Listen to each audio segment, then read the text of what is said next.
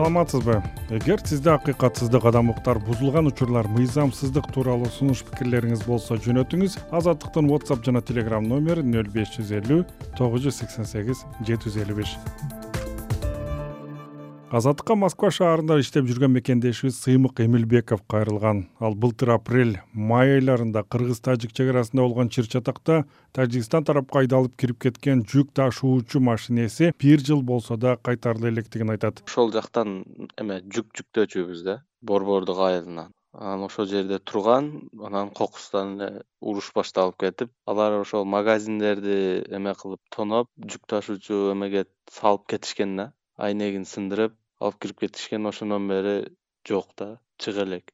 А бизде кредитибиз бар кредитти ошол менен иштеп төгөт элек. Азыр кредит дагы шаштырып атат ошол эмелерге кайрылайык дедик же кредитке жардам бербейт же эмени чыгарып бербейт. Кредиттин суммасы төрт жыл мурда алынган да бир миллион ал. Биз өзүбүз баарыбыз бул жактабыз. Эми өзүбүз барып түшүндүрбөсөк башка эч ким аны мындай айтпайт дагы көңүл да бурбайт да. Биз өзүбүз могу москвадабыз машинанын маркасы даф номери сексен бир элүү үч кабинасы. Ак түстө прицеби көк түстө.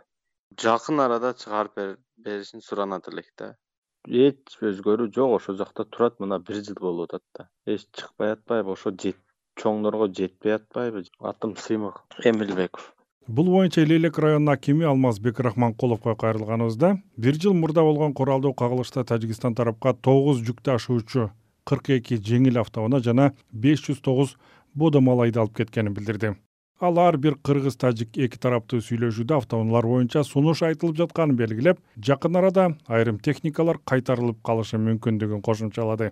Биз мисалга ушул жерде он төрт он беш жолу жолугушуп өткөргөн болсом ошол тажикстандын гафуров районунун акими менен тогуз жолу да ушул маселени койгонбуз. Анан облустта да губернатор да бул маселе менен лично өзү иштеп атат өткөндө да акыркы жолугушканыбызда да сүйлөшкөнбүз. Он экинчи мартта по моему кызыл белде жолугушканда сүйлөшкөнбүз бул боюнча иш жүрүп атат. Губернатор өзү да ар бир эмеде айтып атат мен да могу өзүм жолукканда чыгарып беребиз деп атышат. Хорошо мы этот вопрос решаем деп атат. Бирок кат түрүндө да мен аларга жөнөткөм ответтери да ушул решаем деп келип атат. Бирок бүгүнкү күнгө чечиле элек бирок азыр ушул чечилип кала турган стадияга келип калды. Эки миң жыйырма биринчи жылдын жыйырма сегизинчи отузунчу апрелинде кыргыз тажик чек арасында болгон куралдуу жаңжалда тажикстан тарапка лейлектен тогуз жүк ташуучу кырк эки жеңил автоунаа жана беш жүз тогуз бодомал айдалып кеткенин лейлек районунун башчысы алмазбек рахманкулов маалым кылды. Алардын бирөө да кайтарыла элек жергиликтүү бийлик кыргызстандыктардын жоголгон мүлкү кошуна өлкөдө экенин ишенимдүү айтып келет. Кыргызстан менен тажикстандын чек арасында былтыр жыйырма сегизинчи апрелден биринчи майга чейин уланган куралдуу жаңжалда кыргызстан тараптан отуз алты киши курман болгон жүз сексенден ашуун киши жаракат алган. Жалпы жүз отуз алты үй бир нече мектеп бала бакча башка социалдык объектилер өрттөнүп талкаланган. Тажик тараптан он тогуз киши өлүп сексен жети киши жарадар болгону расмий кабарланган москва шаарынан айымпаша жалилова байланышка чыккан. Мекендешибиз жыйырма төртүнчү мартта кармалган иниси бешкент айыл аймагынын башчысы бекжан жалиловго жана жаңы жыр айыл аймагынын төрагасы саатбек эгембердиевке карата козголгон кылмыш иши негизсиз козголгонун айтып соңку күндөрү сот жараяны да мыйзамсыз жүрүп жатат деп эсептейт. Жалилова жемкорлукка мамлекеттик мүлккө доо келтирүүнү ачык айтып чыккан адамдарды колдоону өтүнүп бийликке кайрылат азыркы учурда булардын соту үчүнчү апрелде болуш керек эле. Биз угуп калдык. Аларды уже ал э, лейлек районунан баткенге алып кетиптир. Баткенге алып кетиптир деп угушсак андан баткенден кадам жайга алып кетиптир. Эч кандай адвокат чалса тергөөчү байланышка чыкпай жатат кечээден бери. Бүгүн баткен э, кадам жайда соту болот экен деп жатышат. Эч ким менен биз менен байланыштырбайт. Дагы бир акыйкатсыздыктын бир эмеси болобу деп эл дүрбөлөң болуп жатат азыр. Бир туугандары менен свиданияга кылайык десе барса свидания кылдыртпады бир тууган агалары барса кечээ. Тергөөчү трубканы албайт. Адвокат чалса через тергөөчү свидания кылыш керек экен го өзү. Ошону да кылдыртпай жатат. Ушул жайылов бекжан саатбек коркпой айтып чыкканды ушундай куугунтукка алып ал эми алар өзү каякта жүрөт билишпейт. Бирөөлөр кытайга бирөөлөр казакстан ар жака качып кеткен дейт. Качкан деле эместир. Бирөөлөр садыр жапаровго барып э, кат жазышты дейт. Ар жерде көрүп атышыптыр аларды бишкекте азыр. Ген прокуратурага барыптыр ар жерде жазып жүрүшөт дейт экен. Ошо айбалаев менен турабайды. Бирок азыркы учурда биз кабатыр болгонубуз бизде связь жок. Эч кандай кайсы жакка алып кетип эмне болгонун бүгүн бирок биз жыйырма төртүдөн бери ошо бишкекке арыз жазып атабыз. Ген прокуратурага жаздык укмкга жаздык жогорку кеңештин депутаттарынан азыр айтам. Төрагасы мамытовго жаздык балбак төлөбаевичке рахмат. Ошол ушул теманы жогорку кеңеште колдоп чыкканына он эки күндөн ашты. Бир гана ошол колдоп чыкты. А бирок ишенесизби лейлек районуна ишенип шайлаган эки депутаттын бирөөсү ушул теманы козгогон жок да. Эл уже эки жолу келип кетти президент өзү айтпадыбы ушундай эмени козгоп чыккан адамга бир сыйлык берилет бирдемке деп аны эмнеге камап койсо биз биз арыз жазган арызыбыз каяка кетип жатат? Каралган жок. Алар ал адамдарга иш козголгон жок. Бирок ошо аз убакыттын ичинде ушул экөөнү бир дагы бирдемкеге кесип берейик деп жатат да. Мен уже билбейм биз эмне кылышыбызды билбейбиз эл өтө кыжыры келип жатат. Бишкекке чыкканга барганга даярбыз деп жатат. Же ошол садыр жапаровго келип митинг кылганда гана таасир этеби? Ал жазган арыздары жетпейби? Эмнеге ошо жогорку кеңеште колдобойбу? Биз уже билбей азыр. Бирок азыр ушулар эме болуп кетсе эл уже башкача чыгат да. Эл ишенген адамдар ушинтип камалса анда эмне болот? Кайра эле ал адамдар келет дагы анан ошол эле жанагы акыйкатсыздык коррупция ошол жашоо улана береби? Биз уже билбей калдык эмне кылышты. Баары жоктон кысымга алып жатат да бизде эч адам укугу эркиндик боштондук биз билбей жатабыз кайсы жерге. Кантип биз чагылдырабыз чындыкты? Аты жөнүм жалилова айымпаша баткен облусунун лейлек районунун жаңы жер э, өкмөтүндө тургуну болом бирок азыркы учурда москвадамын. Камалган айыл аймак башчыларынын тарапкерлери отузунчу мартта кадамжай райондук администрациясынын баткен райондук сотунун алдына чыгышып аларды бошотууну талап кылышты. Ал эми бишкек шаарында тарапкерлер башкы прокуратуранын имаратынын жанына чогулуп мурдагы айыл өкмөт башчыларына козголгон кылмыш иши негизсиз болуп жатканын айтып кайрылуу катын тапшырышкан. Өткөн аптада иликтөөчү журналист ыдырыс исаков жаңы жер айыл өкмөтүндөгү жер бөлүштүрүүдөгү мыйзам бузуу боюнча видео жарыялаган анда айыл өкмөттүн мурдагы жетекчилери жер бөлүштүрүүдө алиш эмдикке жол бергени аларды облустук прокуратуранын кызматкерлери калкалаганы баяндалган. Жыйырма үчүнчү мартта башкы прокуратура исаковдун сюжети боюнча териштирүү жүргүзүп көп өтпөй аталган тасмада мыйзамсыздык боюнча айтып чыккан жергиликтүү бийликтин мурдагы башчылары саатбек эгембердиев менен бекжан жалиловду жоопту катчы ак жол абдуллаевди камакка алган жыйырма алтынчы мартта баш прокурордун буйругу менен бул чырда аты аталган баткен облусунун прокурору нуркамал набиев лейлек районунун прокурору жуманазар асадов сүлүктүү шаарынын прокурору курсан калмурзаев кызматтан алынганы маалым болду.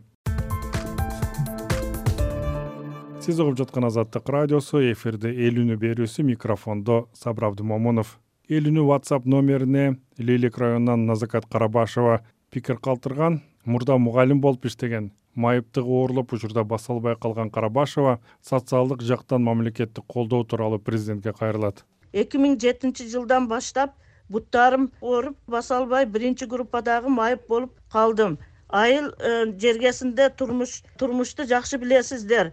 Мен азыркы учурда бир миң тогуз жүз алтымыш сегизинчи жылында курулган эски финский корпус үйдүн квартирасында жашаймын жесирмин жалгыз бир эле уулум келиним жана төрт неберем бар. Мен баса албай калганыма байланыштуу сырттагы туалетке чыга албаймын. Мен үйлөрдүн ичинде өрмөлөп басып жүрөмүн. Ушул инвалидтигим э, жөнүндө мен президентибиз э, садыр нуркожоевич э, жапаровго эки жолу кайрылдым. Ал төрт жогорку органдарга кайрылып кайрылышты буйруган экен социалдык коргоо министрлигине анан баткен облусунун ыйгарым өкмөтүнө анан өзүбүздүн жергиликтүү лейлек районунун акимине буйрук берген экен. Ушул биринчи группадагы майып мугалим карабашева назакаттын чарасыны көрүп маселесин чечип бергиле деп. Бирок алар бул маселени жакшы чечишкен жок. Жооптору так жооп берип так аткарышкан жок. Менин чечилбеген проблемаларым ушундай эле биринчи майыптыгыма себептүү үйүмдүн жанына бир комната үй жана туалет ваннасы ичинде кылып курууга э, мамлекет тарабынан эки жүз миң сом э, акчалай гумандуулук менен жардам сураган элем. Бирок бул жардам аткарылган жок. Экинчи проблемам бул ошол. Президентибиз январь айында эки миң жыйырма экинчи жылда дагы экинчи биринчи топтогу балалык кезден майыптарга көбөйтүлгөн пенсиянын размери менин пенсияма кошуп берилген эмес. Алыга чейин э, эч кандай кошулган эмес. Биздин соц фонд дагы бул маселени эч кандай алыгы аткарбайт. Жогоруда чыгарылган президентибиздин көп буйруктары так аткарылбайт жергиликтүү өкмөттөрдө. Ушундай социалдык маселелер боюнча республикабыз масштабында ревизия кылып текшерип көрүштөрүнү каалаймын. Бир эле мен эмес менин коңшуларым дагы башка интернационал айылында жашаган элдер дагы баары нааразы. Мен карабашева назакат биринчи топтогу майып мугалим лейлек районунан чалып жатамын. Назакат карабашеванын маселелери тууралуу жергиликтүү бийликке кайрылганыбызда ага мыйзам жол берген жардамдардын баары каралып жатканын билдиришти. Жаңы жагдайлар боюнча арыздарды социалдык адистер аркылуу жолдоо зарылдыгын өтүнүштү азаттыкка чүйдүн москва районуна караштуу беловодский айылынан жамал нурдөөлөтова пикирин калтырган ал элден сүт топтогон ишканалар бааны түшүрүп жатканын айтат. Угарманыбыз жем чөптүн баасы асмандап жаткан маалда мал кармоо оорлоп кеткенин кошумчалайт мал багабыз уйсайбыз ошо менен оокат кылабыз сүт өткөрөбүз өткөргөн сүтүбүз ошо малыбызды бакканга актабай жатат. Жемдин баасы көчөгүнкү базарда отуз сомдон болуп атат. Чөптүн баасы төрт жүз элүү сомдон болуп атат. Сүтүбүздү өткөрүп аттык элек ошо менен оокат кылалы деп аракет кылсак аныбыздан дагы жыйынтык чыкпай атат. Э, сүттүн баасын жума сайын эки сомдон эки сомдон түшүрүп э, бизди аябай ушундай кыжырыбызга элдин кыжырына тийип атышат да. Өздөрү тияктан болсо магазиндерге сүттүн баасы. Мен атайын барып ошо көрдүм. Э, сүрөткө да тартып келдим. Жетимиш сомдон экен. Э, ал жерде сатуучулардан сурасам ушу жума сайын эки сомдон кошуп э, кымбатыраак болуп атат анан биз ушундай эле бир сом эки сом кошуп сатып атабыз деп айтып жатышат. Айрандын баасы алтымыш алты сомдон экен. Анан ушу биз карандай мээнетибиз менен тапкан продукциябыздын баасы түшүп кеткенинен ошо эл чогулуп алып ошо биздин үнүбүздү угара бекен деп сиздерге кайрылып жатканбыз. Биздин сүтүбүздүн баасын кышында жакшы эми жок дегенде кырк эки кырк үчтөн алып атат эле э, үч сом түшсө дагы ошо кырк менен калтырып берсе жакшы болот эле деп ошону суранып жатканбыз. Нурдөөлөтова жамал московский районунун э, беловодский айылынан болобуз бул кайрылуу түшкөндөн көп өтпөй эле беловодский айылынын тургундарынын демилгеси менен сүт кабыл алган компаниянын жетекчилиги жолугуш өткөрүп анда бааны сүттү үймө үй кыдырып топтогон ишкерлер түшүргөнү аныкталып сүйлөшүүлөрдөн кийин бир литр сүттү отуз тогуз сомдон алуу тууралуу мунасага келишкен. Мындан улам угармандарга эгерде сүттүн баасы тууралуу талаш тартыш чыкса сүттү кабыл алган чоң компаниянын өзүнө кайрылуу керектигин эскертебиз ушуну менен эл уктуруусун жыйынтыктайын. Бизге тема сунуштап пикир калтырыңыз. Байланыш үчүн телефон номер нөл үч жүз он эки жыйырма бир токсон төрт жыйырма үч. Whatsapp телеграмдагы номерибиз нөл беш жүз элүү тогуз жүз сексен сегиз жети жүз элүү беш элдин пикирин топтогон сабыр абдымомунов эсен туруңуз